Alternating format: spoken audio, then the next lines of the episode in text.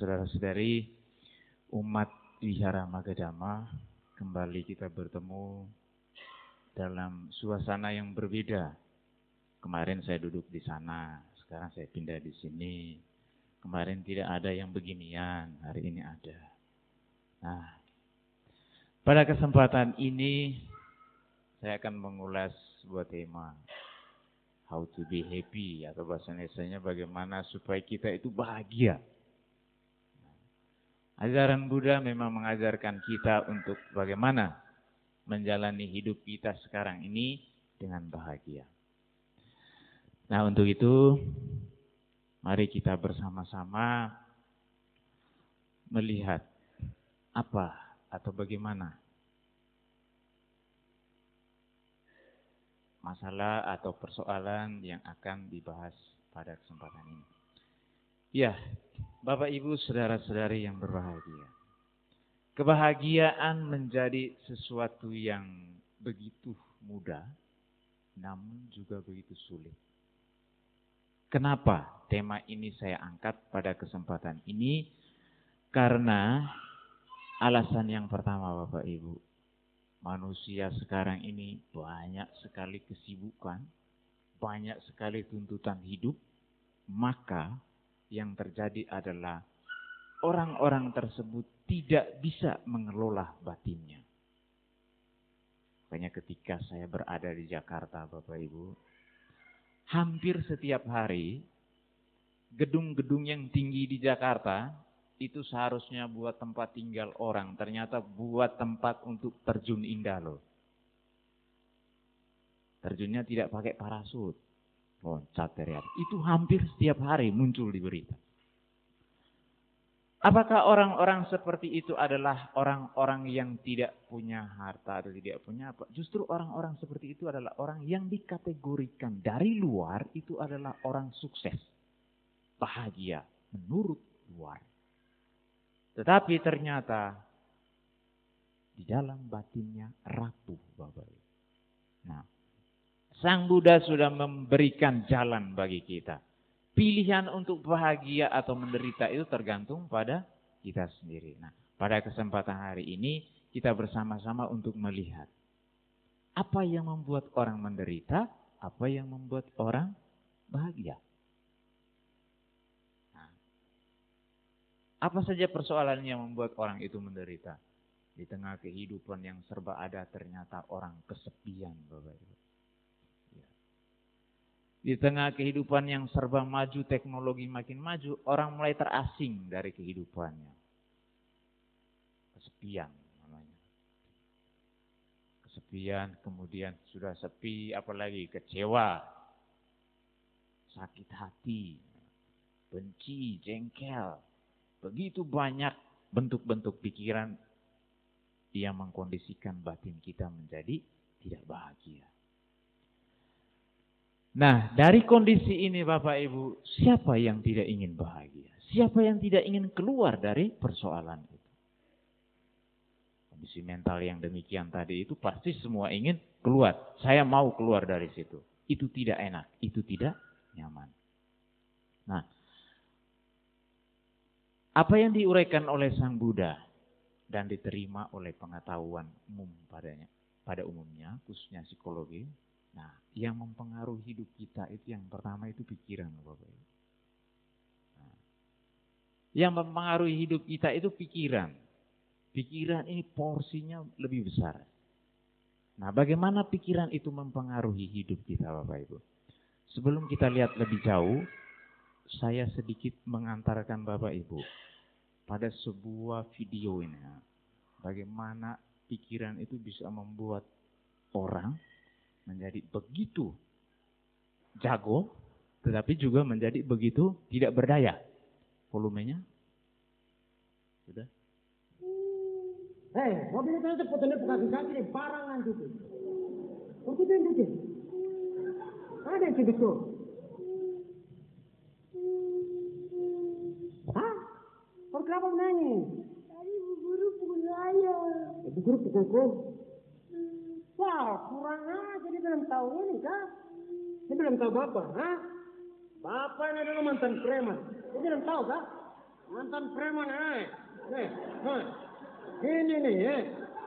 Ayo sini, sini, sini. Hmm. Tunggu ya, ambil parang dulu, eh.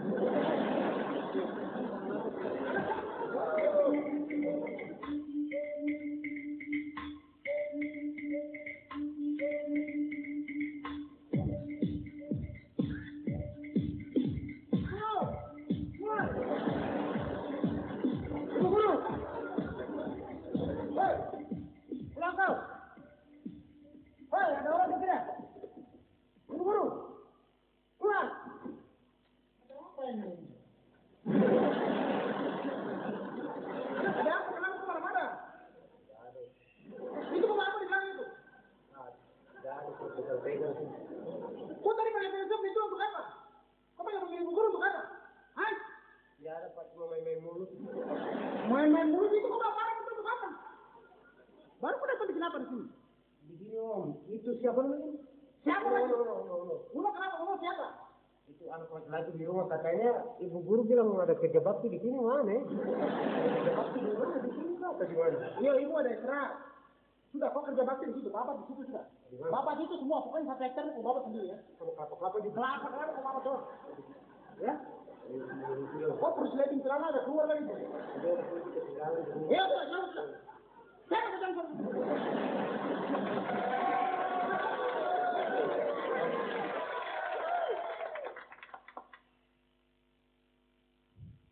jangan Ya Bapak Ibu. Walaupun itu kelihatan lucu memang ya. Tetapi kalau kita merenungkan kembali, apa yang membuat orang itu begitu terpancing, marah gitu ya. Ambil parang mau bunuh orang. Itu karena pikiran yang dimotori oleh kejengkelan, tidak senang. Nah, ternyata begitu sampai di sana dia tidak berdaya karena ada yang lebih berkuasa. Nah, Bapak Ibu Saudara-saudari, kemudian selanjutnya bagaimana pikiran itu kemudian mempengaruhi ucapan dan tindakan jasmani. Ucapan dan tindakan jasmani itu adalah apa namanya eh, bentuk daripada bentuk nyata daripada apa yang muncul di pikiran kita. Nah, kalau pernah Bapak Ibu ingat waktu saya masih SMA dulu, itu ada film yang namanya Titanic. Film yang sangat terkenal waktu itu. Dan itu film sejarah. Apa yang membuat kapal pesiar yang begitu besar itu kemudian tenggelam? Nah, ternyata adalah gunung es. Di puncak kelihatannya kecil sekali. Oleh nakodanya dia pikir, wah itu gunung es kecil. Tetapi dia tidak tahu bahwa di dalamnya itu begitu besar. Sehingga dia tidak bisa lagi memutar haluan. Dan mau tidak mau harus menabrak. Nah Bapak Ibu Saudara-saudari. Ucapan dan jasmani itu adalah bentuk nyata yang terlihat, yang terdengar. Tapi semuanya itu adalah akumulasi muncul daripada pikiran kita sendiri. Nah, selanjutnya Bapak Ibu, bagaimana pengaruhnya? Di dalam Dhamma pada ayat 1 Sang Buddha sudah berbicara begitu mendalam. Pikiran adalah pelopor dari segala sesuatu. Pikiran adalah pemimpin. Pikiran adalah pembentuk. Bila seseorang berbicara atau berbuat dengan pikiran murni, maka kebahagiaan akan mengikutinya. Bagaikan bayang-bayang yang tak pernah meninggalkan bendanya. Mungkin ayat Dhamma pada ini setiap kali kita mungkin sempat membaca. Tetapi pertanyaannya, seberapa dalamkah kita menyelami ayat tersebut? Seberapa dalam? Kita memahaminya itu. Nah, kemudian di Majjhima Nikaya 56 Bapak Ibu. Nah, karena ini adalah sebulan pendalaman dhamma, maka kita juga tidak lupa untuk melihat ayat-ayat yang disampaikan oleh Sang Buddha di dalam Tipitaka. Nah, pada kesempatan ini terkait dengan pikiran, maka saya mengangkat dua. Yang pertama Dhamma pada ayat pertama, dan yang kedua Majjhima Nikaya 56, Upali Sutta. Nah, bagi yang suka baca atau suka mau membuktikan, Apa benar di dalam apa namanya Tipitaka Sang Buddha berbicara demikian. Nah, di situ ada di Majjhima Nikaya 56. Nah, dari ketiga jenis perbuatan ini tapasi yang dianalisa dan dibedakan sedemikian, aku menggambarkan perbuatan pikiran sebagai yang paling tercela bagi pelaksanaan perbuatan buruk dalam melakukan perbuatan buruk, sedangkan perbuatan jasmani dan perbuatan ucapan tidak terlalu tercela. Artinya Sang Buddha menekankan bahwa Bapak Ibu, pikiran itu yang menjadi motor penggerak kita. Nah tadi Bapak Ibu lihat film yang tadi itu. Bagaimana orang itu bisa ambil parang. Ya karena terprovokasi oleh pikirannya sendiri. Nah, selanjutnya pengaruh pikiran. Bapak Ibu, kalau pikiran baik apa saja ciri-ciri pikiran baik itu. Di dalamnya ada toleransi. Bapak ibu saudara saudari. Kembali saya pernah di Jakarta. Selain kami para biku itu selain ceramah Bapak Ibu ya. Ada satu tugas tambahan. Saya sering mengatakan tugasnya itu sebagai pengantar arwah. Kenapa? Hampir setiap hari itu ke rumah duka loh. Saya membayangkan, saya kok dulu keinginan saya jadi biku kok jadinya berubah begini ya. Kalau ceramah masih lebih baik gitu ya. Sama memang tugas begitu. Tapi ini setiap hari ke rumah duka loh. Apa saya sudah benar begini jadi biku ya. Nah, yang menarik Bapak Ibu. Ternyata dari dari tugas tambahan tersebut ada persoalan menarik yang perlu dipahami. Apa itu Bapak Ibu?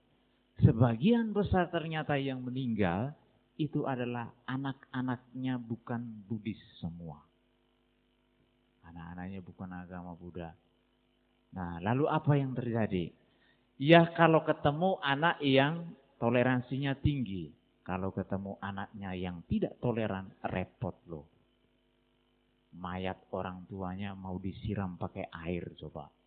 Kenapa dianggap orang tuanya itu sesat? Ribut loh. Waktu saya datang itu saya tanya. Ada satu anaknya ini pindah keyakinan. Ini satu kasus. Yang lain tetap Buddhis. Tetapi cuma satu dia bisa bikin masalah besar loh. Pemakaman ditunda gara-gara apa? Ribut ini anaknya yang tadi itu. Karena dia bawa tokoh agamanya datang. Untuk apa? Untuk membaptis mendiang ibunya yang sudah meninggal. Coba. Nah Bapak Ibu. Itu karena apa? Karena tidak adanya toleransi. Silakan memang kalau saudara sudah merasa tidak cocok di dalam agama Buddha. Tetapi tolong, pahamilah dengan baik itu sudah mayat Bapak Ibu. Nah yang lebih menyedihkan lagi yang sedang berada di rumah sakit yang sudah koma. Ibunya lagi koma. Nah lagi-lagi saya juga diundang ke situ Bapak. Suruh apa? Baca parita. Nah selain pengantar arwah, tugas kami yang kedua adalah sebagai tabib. Baca parita biar sembuh. Kalau tidak tabib, maka siap-siap jadi malaikat pencabut nyawa. Maksudnya kalau yang ini sakit sembuh loh. Kalau tidak sembuh maka profesinya dibanting yang kedua apa? Itu gara-gara Bante baca parita langsung pindah alam loh. Wah bantenya langsung terkenal itu. Ada begituan? Ada. Anaknya ini kalau orang tuanya ini di, sudah dibawa keliling dunia begitu ya. Sudah dibawa ke mana-mana Oh nggak sembuh-sembuh. Pulang ke Indonesia. Nggak sembuh-sembuh. Akhirnya apa? Bante, kami mohon bacakan barita. Supaya mama bisa tenang. Tenangnya itu maksudnya pindah alam begitu loh. Karena sudah malas saya. Kami sudah capek. Gitu. Dan pernah kejadian sering Bapak Ibu. Begitu lagi baca parita tiba-tiba itunya, penentunya itu langsung tut, tut, tut. Wah sudah. besok bantainya terkenal. Jadi kalau anaknya yang sudah bosan itu lihat orang tuanya kasihan, panggil Bante A karena bantainya kalau baca parita langsung itu, waduh, ini. Nah kembali ke cerita yang koma tadi Bapak Ibu. Begitu saya datang, kami baca parita karena anaknya ada yang Buddhis dan anaknya ini mengapa panggil Bante? Ya karena dia tahu bahwa mamanya ini adalah seorang Buddhis. Tetapi yang satunya tidak loh di saat kami sedang baca parita, dia di sebelah tidak mau kalah loh. Sebut nama Tuhannya lebih kencang lagi. Aminnya lebih kencang lagi. Saya pikir kok kayak perang doa ya kita ya pada hari ini ya. Nah setelah selesai kami keluar, anaknya itu panggil tokoh agamanya masuk. Katanya apa? Untuk meluruskan jalan. Berarti kami yang datang tadi itu menyesatkan ya. Apa ibu saudara-saudara? Ketika pikiran ini tidak dipahat, ketika pikiran ini dikontaminasi oleh yang tidak toleran, maka yang terjadi seperti itu. Tetapi ketika yang yang muncul ini toleransi, ya sudah menghargai perbedaan. Maka itu yang dikatakan dengan pikiran baik. Kalau Bapak Ibu mempunyai pikiran yang tidak toleransi, berarti itu masuk pikiran tidak baik itulah yang akan mengarahkan pada penderitaan, percecokan, perselisihan. Nah selanjutnya Bapak Ibu rasa puas. Puas terhadap apa yang kita miliki. Kurang-kurang terus mengeluh. Kurangnya itu dibuktikan bukan kita mau berusaha, tapi kurangnya itu dibuktikan dengan sering mengeluh. Itu artinya orang yang tidak puas. Sering mengeluh, sering begini. Nah itu juga masuk kategori pikiran apa namanya tidak baik lawannya. Jujur, belas asih, tulus, pemaaf, berterima kasih dan lain-lain. Nah pikiran tidak baik apa? Galau. Waktu saya masih di Lombok, Bapak Ibu. Saya jadi samanera dulu ya tugas di sana. Di belakang kuti itu ada warung.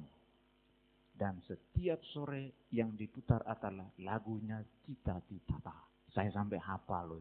Goyang dumang itu. Dengan istilahnya gegana. Gelisah, galau, merana. Nah apa solusinya dari cita-cita? Ternyata goyang dumang Bapak Ibu. Nah, kata Bante, apa namanya? Sajak Damu, itu aliran sesat katanya. Gerisa garo melana kok disuruh goyang dumang. Biar hati pun senang, pikiran pun tenang. Mana ada orang habis joget itu langsung pikiran tenang. Nah, itu adalah bentuk pikiran tidak baik Bapak Ibu.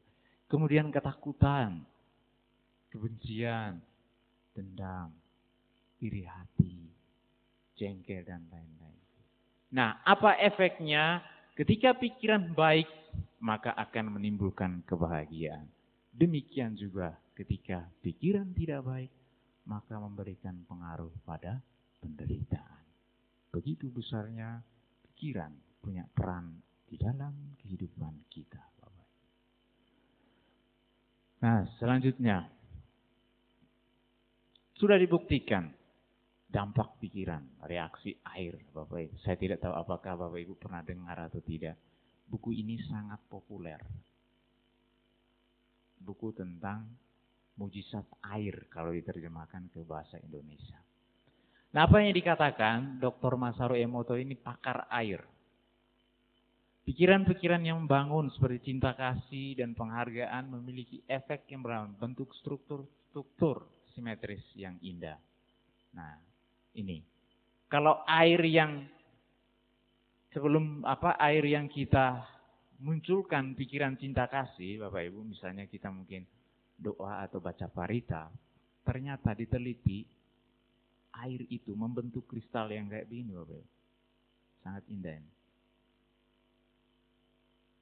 Nah, seperti ini. Indah sekali Bapak Ibu. Jadi dianjurkan apa? Kalau bisa Bapak Ibu, sebelum minum air, jangan terburu-buru langsung glek glek glek glek glek gitu ya. pegang sebentar, kemudian minimal ucapkan semoga semua berbahagia.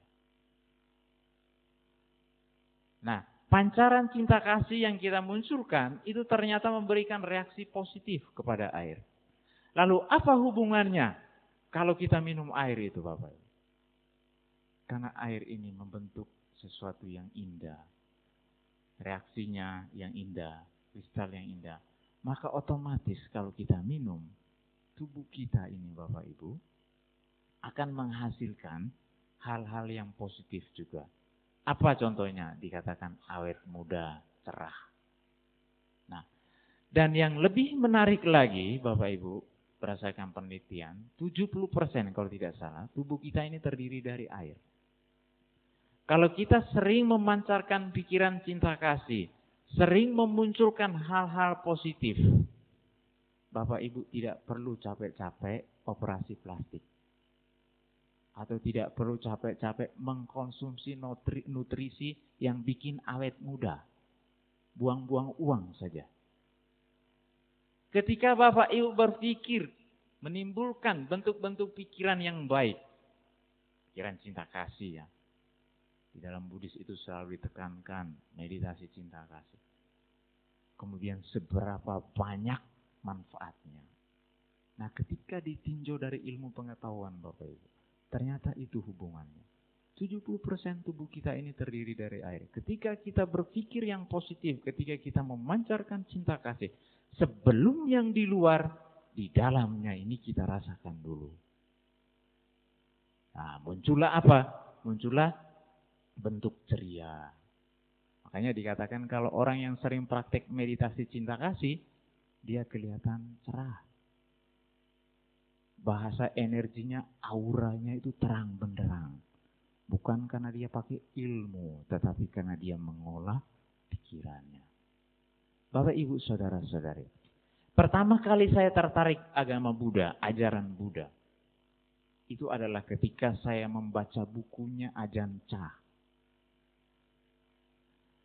Dari buku itu, saya ceritakan sedikit sejarah tentang buku itu Bapak Ibu. Kalau Bapak Ibu melihat sebuah buku, kemudian membaca, itu karena buku itu menarik. Tetapi anehnya, saya melihat buku itu karena saya kasihan dalam buku itu. Ketika saya jalan-jalan ke Gramedia, saya melihat buku hitam ada di pojok, tidak ada lampu. Kenapa saya pilih buku itu untuk saya baca? Saya berpikir begini, kok kasihan sekali ya buku itu ya, sendirian. Sama seperti saya sendirian. Apalagi covernya pun hitam, sama seperti saya juga hitam. Karena merasa senasib dan sepenanggungan, saya ambil buku itu Bapak Ibu. Tidak menarik, memang tidak menarik. Terus terang saya akui. Kalau dari sisi apa namanya marketingnya nih, wah ini ada yang belilah. Tetapi ternyata di balik itu tersimpan suatu kalimat yang mampu mengubah jalan hidup saya. Apa di belakang buku itu Bapak Ibu? Bunyinya begini, pikiran itu seperti air. Kalau air mengalir, mengalir ke bawah dan tidak beraturan. Tetapi para petani tahu bagaimana memanfaatkan air yang tidak beraturan itu. Dia buat apa? Selokkan Bapak Ibu. Sehingga air itu diarahkan ke sawah. Tumbuhlah tanaman padi yang bermanfaat bagi banyak makhluk di alam semesta ini. Demikian juga pikiran itu selalu atau seringnya, kalau tidak selalu sering, artinya paling banyak itu menyusahkan. Tetapi orang yang melatih pikiran tahu bagaimana membuat hidupnya bahagia. Terakhir dari paragraf itu dikatakan demikian. Pikiran apa bahagia atau menderita tergantung pikiran Anda. Apa yang membuat saya kaget Bapak Ibu? Kalau dulu ketika saya belum tahu itu bahagia menderita, itu bukan tergantung di pikiran. Nah, kalau bahagia, senang, itu rahmat dari Tuhan katanya. Nah, kalau menderita, susah, sulit, lah itu gara-gara iblis. Ya. Nah, iblis lagi yang dikambing hitamkan lo. Selalu begitu. Padahal kalau kita renung-renung iblis itu makhluk yang paling sabar loh. Nah kok bisa? Bapak Ibu pernah dengar hukuman iblis? Ada. Nah, berarti dia lebih sabar kan? Dia tidak tahu apa-apa lagi enak-enak. Selalu itu gara-gara setan, gara-gara iblis. Ya cuma alus-alus dada. Saya tidak tahu apa-apa kok. Saya diseret-seret. Nah Bapak Ibu kembali ke materi ini. Nah kemudian ini air. Benih yang mau ditanam. Silakan Bapak Ibu mau coba ya. Bagi yang suka nanam. Kalau mau supaya tanamannya itu bisa Bapak namanya tumbuh dengan baik. Nah ini menurut penelitian seorang dokter dari Amerika. Larry Dosi. Pada saat benih-benih didoakan maka mereka cenderung bertunas lebih cepat. Bukan kemampuan doanya itu, tetapi bagaimana pikiran kita mengkondisikan hal yang positif. Bentuk-bentuk positif yang disampaikan tadi. Maka itu akan memberikan dampak. Makanya dikatakan jangan sepelekan pikiran. Karena pikiranlah pencipta.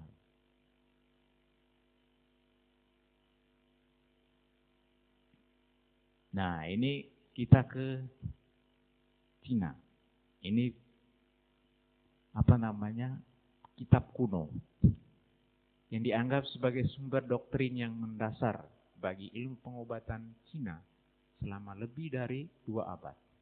Apa yang dikatakan? Sebagian besar penyakit datang dari pikiran, maka lepaskanlah emosi-emosi negatif.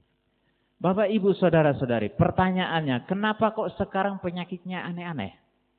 dibandingkan dengan orang dulu. Orang dulu panjang usianya. Kenapa? Karena orang pikirannya damai dulu. Damai, dia hidup dekat dengan alam. Maka penyakitnya sedikit. Kita sekarang tidak. Banyak maunya. Banyak nafsu keinginannya. Bukan kebutuhan lagi, tapi nafsu. Sana kemari, sana kemari. Maka jangan kaget. Orang cuma sakit pilek bisa masuk ruang ICU loh. Karena pikirannya itu. Nah orang yang sakit kanker bisa sembuh. Mungkin orang lain mengatakan itu mujizat. Nah, mujizat lagi yang diangkat. Nah. Tetapi kalau kita yang mengerti tentang dhamma, itu kenapa orang itu bisa sembuh? Padahal penyakitnya itu berat. Karena dia mampu mengurangi yang namanya bentuk-bentuk pikiran negatif. Lalu bagaimana orang yang sakitnya sedikit tapi kemudian harus dirawat berlama-lama di sana karena dia menimbulkan penyakit batin Bapak Ibu. Ada dua penyakit menurut ajaran Buddha, Sang Buddha sampaikan. Penyakit jasmani dan penyakit batin. Dhamma adalah Tujuan daripada dhamma adalah untuk mengobati yang batin itu Bapak Ibu. Apakah Sang Buddha sakit? Beliau sakit. Sakit punggung. Sakit karena jasmani, karena usia tua. Tetapi batinnya tidak sakit. Nah, ketika kita tidak mampu membedakan mana sakit jasmani, mana sakit batin Bapak Ibu, maka setiap hari kita akan menjadi orang yang paling stres. Kenapa? Karena kita menambah penyakit batin itu. Nah, kemudian bagaimana menurut Abhidhamma dalam pandangan Buddhis? Dengan memelihara pikiran-pikiran yang berguna seperti cinta kasih, puasan, kejujuran, welas asih, pemaafan, dan berterima kasih, maka menghasilkan banyak sekali kalapa-kalapa. Kalapa-kalapa itu kayak bentuk-bentuk pikiran. Yang terlahir dari kesadaran yang murni dan cemerlang di seluruh tubuh. Dan elemen warna dalam tiap-tiap kelapa juga menjadi cemerlang. Ini menurut kajian Abidama. Secara psikologisnya begitu Bapak Ibu hubungannya. Jadi setiap pikiran positif itu menghadirkan hubungannya dengan jasmani kita itu adalah hal-hal yang baik semua. Nah, di dalam ajaran Buddha, hubungan yang selanjutnya adalah tindakan atau perbuatan jasmani. Perbuatan yang tidak baik apa akhirnya? Membunuh, mencuri, hubungan seks yang salah. Ucapan tidak baik, berbohong, memecah belah, berbicara kasar, bergosip. Nah yang baik apa atau yang berguna? Lawannya ini Bapak Ibu. Memelihara kehidupan, senang berbagi, permata pencarian benar, setia terhadap pasangannya. Berbicara jujur, berbicara yang merukunkan, berbicara sopan, berbicara yang mengandung motivasi. Ketika kita ambil yang baik, yang berguna ini Bapak Ibu, di dalam kehidupan sehari-hari, maka hidup kita akan menjadi lebih baik. Dan kita adalah orang-orang yang bahagia. Ketika mampu menjaga pikiran, kemudian mampu mengapa namanya mengekspresikan melalui tindakan dan ucapan. Nah, bagaimana cara memunculkan? Orang sering bertanya, saya kok selalu saja pikirannya negatif melulu, Bante. Bagaimana caranya supaya saya bisa punya pikiran positif? Bapak Ibu tidak perlu, Bapak Ibu apa ya? Ada yang silakanlah dia sembayang, minta pikiran positif kepada dewanya. Tetapi kalau di dalam dhamma itu, ya kita harus mengembangkan pikiran yang mengharapkan semua makhluk berbahagia. Mengharapkan kebahagiaan bagi semua makhluk.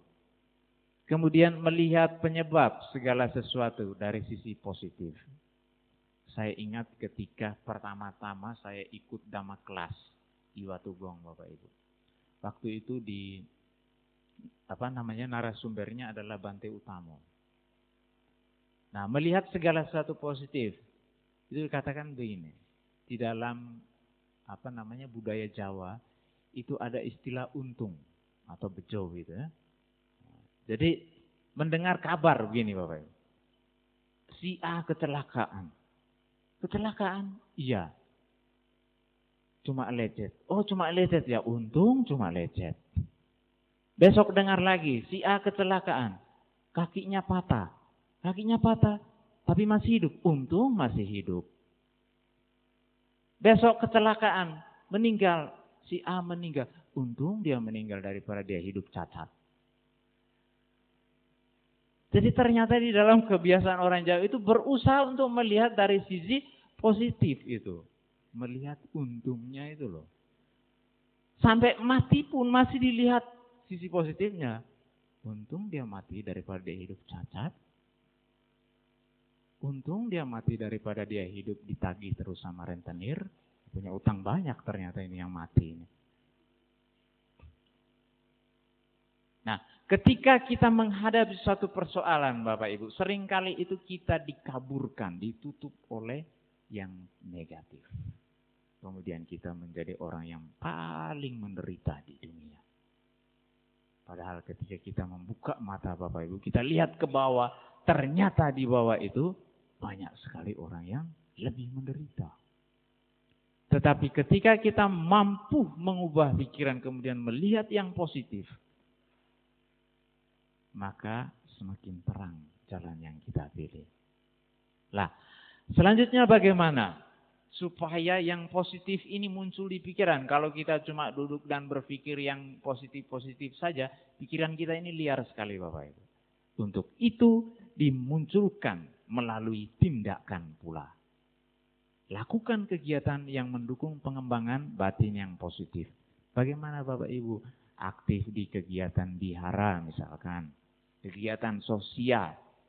Intinya Bapak Ibu pada saat kita berbuat kebaikan itu adalah tujuan kita bukan untuk kita, tetapi untuk orang yang di luar kita. Tidak hanya orang tapi makhluk hidup.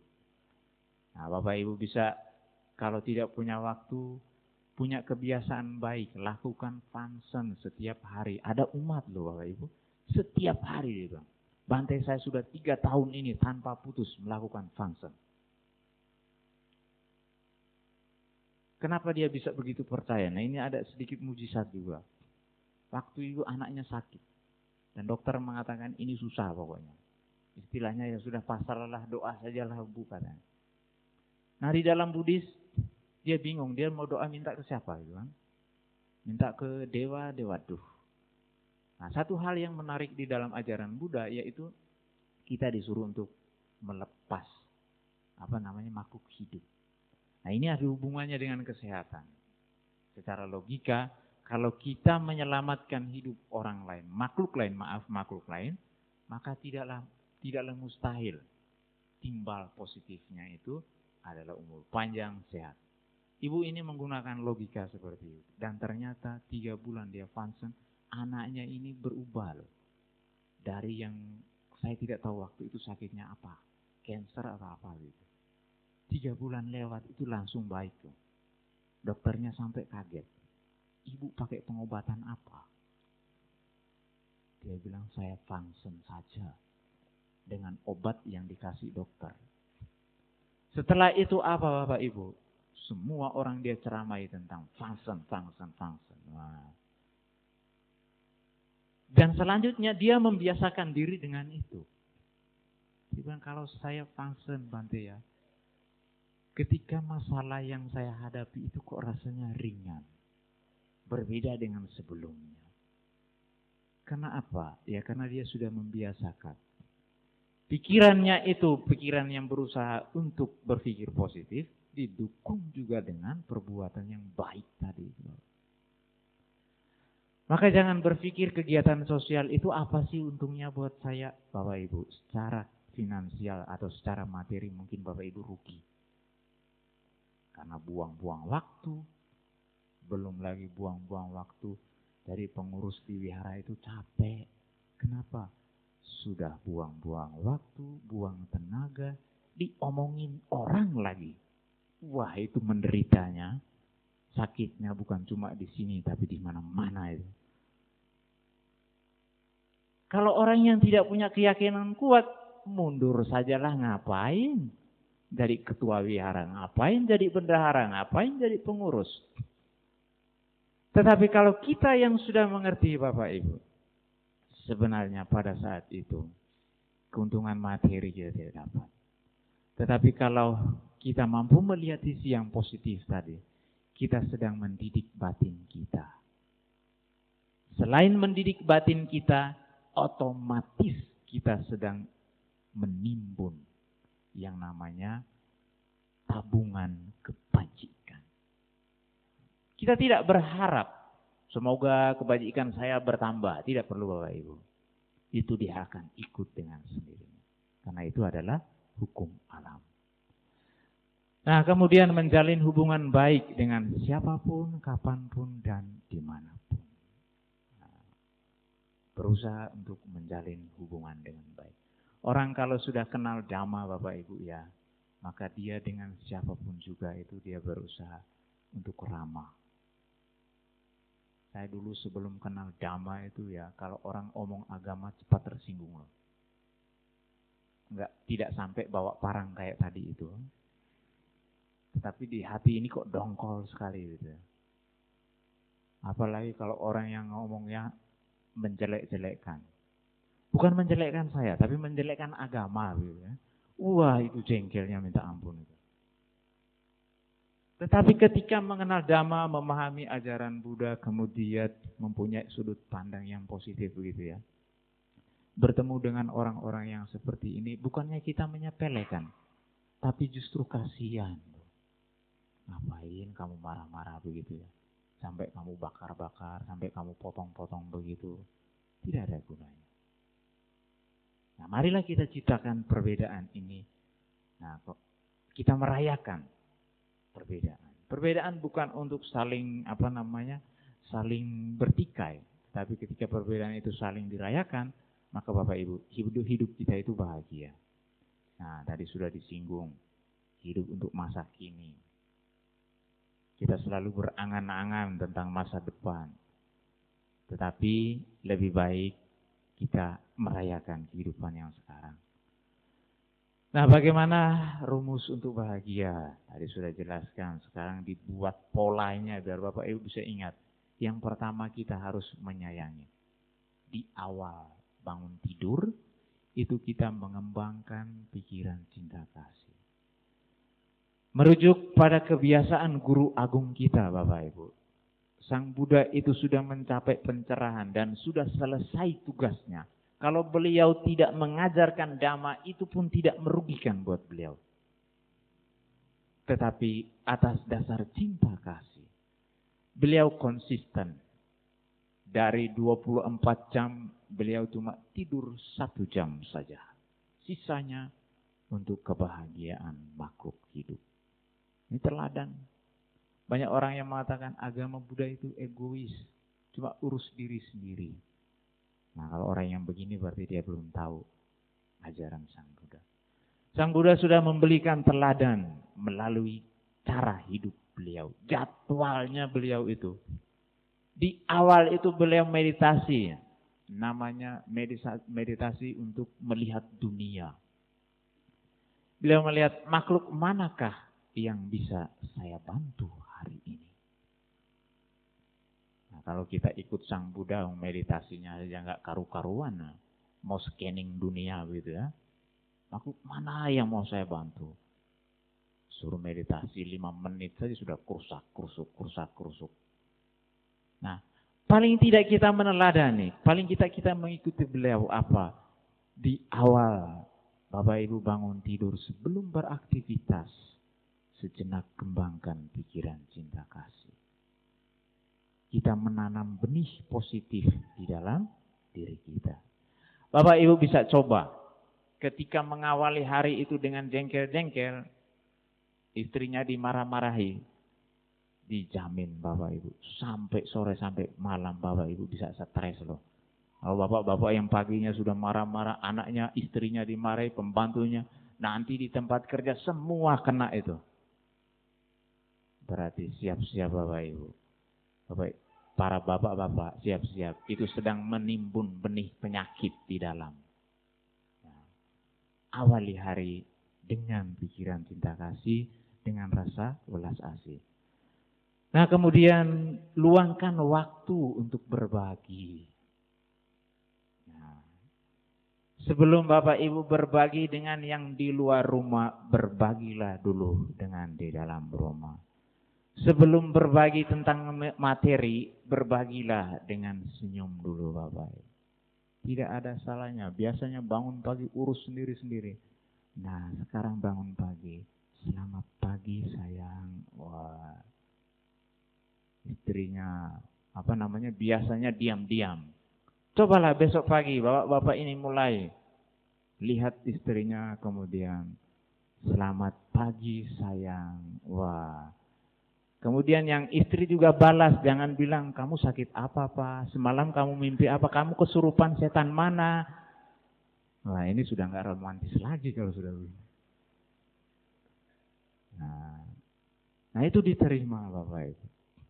Nah setelah itu ketika Bapak Ibu mempraktekkan itu kan melalui ucapan tadi.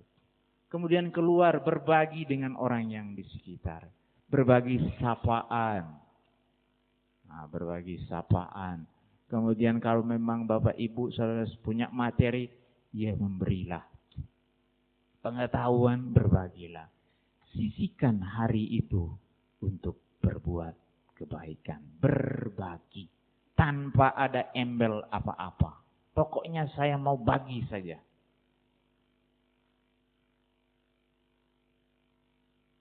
Nah, pada proses Bapak Ibu melakukan itu disadari. Andaikan orang yang kita senyum, senyum kita beri senyum tadi ya, justru dia balasnya judes gitu. Atau kalau enggak dia muka, dia apa buang muka. Jangan jengkel. Disadari. Saya senyum ini bukan untuk dia, tetapi saya senyum ini untuk kebahagiaan saya. Dia mau balas dengan apa namanya bibirnya mencucu atau buang muka itu urusannya dia. Kenapa Bapak Ibu bisa respon seperti itu? Karena Bapak Ibu menyadari. Oh iya, biasanya kan otomatis. Kalau kita perlakukan baik kepada orang, ternyata orang di sebelah kita ini tidak tahu diri, apa yang terjadi? Marah, jengkel, karena kita tidak sadar. Nah ketika kita sadar itu, maka tidak akan terkontaminasi. Nah selanjutnya adalah kita melepas. Ketika malam hari segala macam hal-hal negatif yang kita jalani pada hari itu kita lepas semuanya Bapak Ibu. Nah, kemudian terakhir tentang bagaimana aplikasinya sehari-hari. Awali hari dengan mengembangkan cinta kasih. Bertekad untuk mengisi hari ini dengan berbagai macam perbuatan baik. Bertemu dan sapalah orang-orang dengan hati riang. Lakukan tugas dengan rasa suka dan penuh kesadaran. Kemudian tutuplah hari dengan pemaafan dan mengembangkan cinta kasih kepada semua makhluk. Terkadang kita itu terlalu keras dengan diri kita sendiri Bapak Ibu. Sehingga untuk memaafkan diri kita sendiri pun sangat-sangat sulit. Justru kita membebani diri kita dengan merasa bersalah. Memaafkan diri kita saja sulit. Bagaimana kita bisa memaafkan orang lain. Yang ada adalah hanya manis di mulut saya maafin kamu, tetapi dalam hatinya tunggu pembalasan saya. Tidak tahu kalau ini sakit sekali. Maaf ya, oh iya saya maafkan. Tetapi di dalam hati dongkolnya minta ampun. Karena kita belum bisa memaafkan diri kita sendiri. Bagaimana kita bisa memaafkan orang lain. Nah Bapak Ibu. Ini adalah kata-kata ketika kita mampu mengubah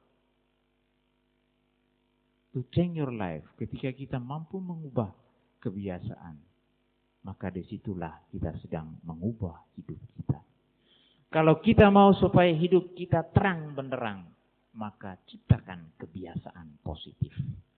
Mana kebiasaan positif? Nah itu yang di sebelah ini yang saya jelaskan tadi itu Bapak Ibu. Kalau Bapak Ibu bingung dengan pola positif bagaimana? Nah ini sudah ada ini. Ketika ini dipraktekkan di dalam kehidupan sehari-hari, maka dijamin Bapak Ibu, tiga bulan Bapak Ibu hidupnya akan lebih baik. Karena kita menciptakan hal yang positif. Nah kesimpulan, kebahagiaan tergantung pada cara berpikir, kemudian diikuti oleh ucapan dan tindakan jasmani. Kebahagiaan diraih dengan cara melatih batin dan pembiasaan terhadap hal-hal yang baik. Nah ini adalah ungkapan, don't look for happiness, create it. Jangan cari kebahagiaan itu, tapi ciptakan kebahagiaan itu. Nah inilah Bapak Ibu, sebagai penutup, nah tadi kan Bapak Ibu lihat video orang yang responsif, artinya dia pokoknya bentuk pikirannya negatif lah boleh kita kategorikan tadi ya. Karena dia mau ambil para mau bunuh orang gitu. Nah ini adalah yang positif Bapak Ibu. Bagaimana orang yang berbuat baik tanpa mengharapkan apa pun. Tapi justru dia merayakan hidupnya. Tetapi intinya ketika kita melakukan segala sesuatu itu dari hati. Artinya tidak ada embel-embel, kita melakukannya itu murni untuk kebahagiaan orang lain. Maka efek positifnya itu timbul begitu terus mengikuti seperti orang tadi. Dia tidak mengharapkan apa-apa. Wah saya bisa jadi orang terkenal nih, saya berbuat baik. Biar diekspos sama televisi, biar jadi artis. Dia tidak mengharapkan apa-apa. Dia tetaplah orang sederhana. Tetapi selalu merasa bahagia ketika anak yang pengemis tadi itu. Dia pikir orang-orang yang tadi di toko itu kan itu kamu ditipu sebenarnya. Alasan. Makanya ketika dia kasih uang, si pemilik toko tadi itu geleng-geleng kepala. Kok mau-maunya kasih uang sama pengemis gitu. Tetapi dia menjadi bahagia ketika anak kecil tadi dengan seragam. Oh berarti selama ini saya kasih uang ini, anak ini sekolah. Wah itu sukacita yang katanya tidak terbayarkan. Kemudian dari si nenek, wah, nenek ini penasaran ini siapa ini tiap hari gantungin pisang ini. Nah ditungguin, langsung dipeluk. Luar biasa. Maka ketika perbuatan baik kita lakukan melalui pikiran, melalui ucapan, dan melalui tindakan, maka kebahagiaan mengikuti kita. Nah demikian yang bisa saya sampaikan. Semoga menjadi bahan refleksi kita bersama Bapak Ibu.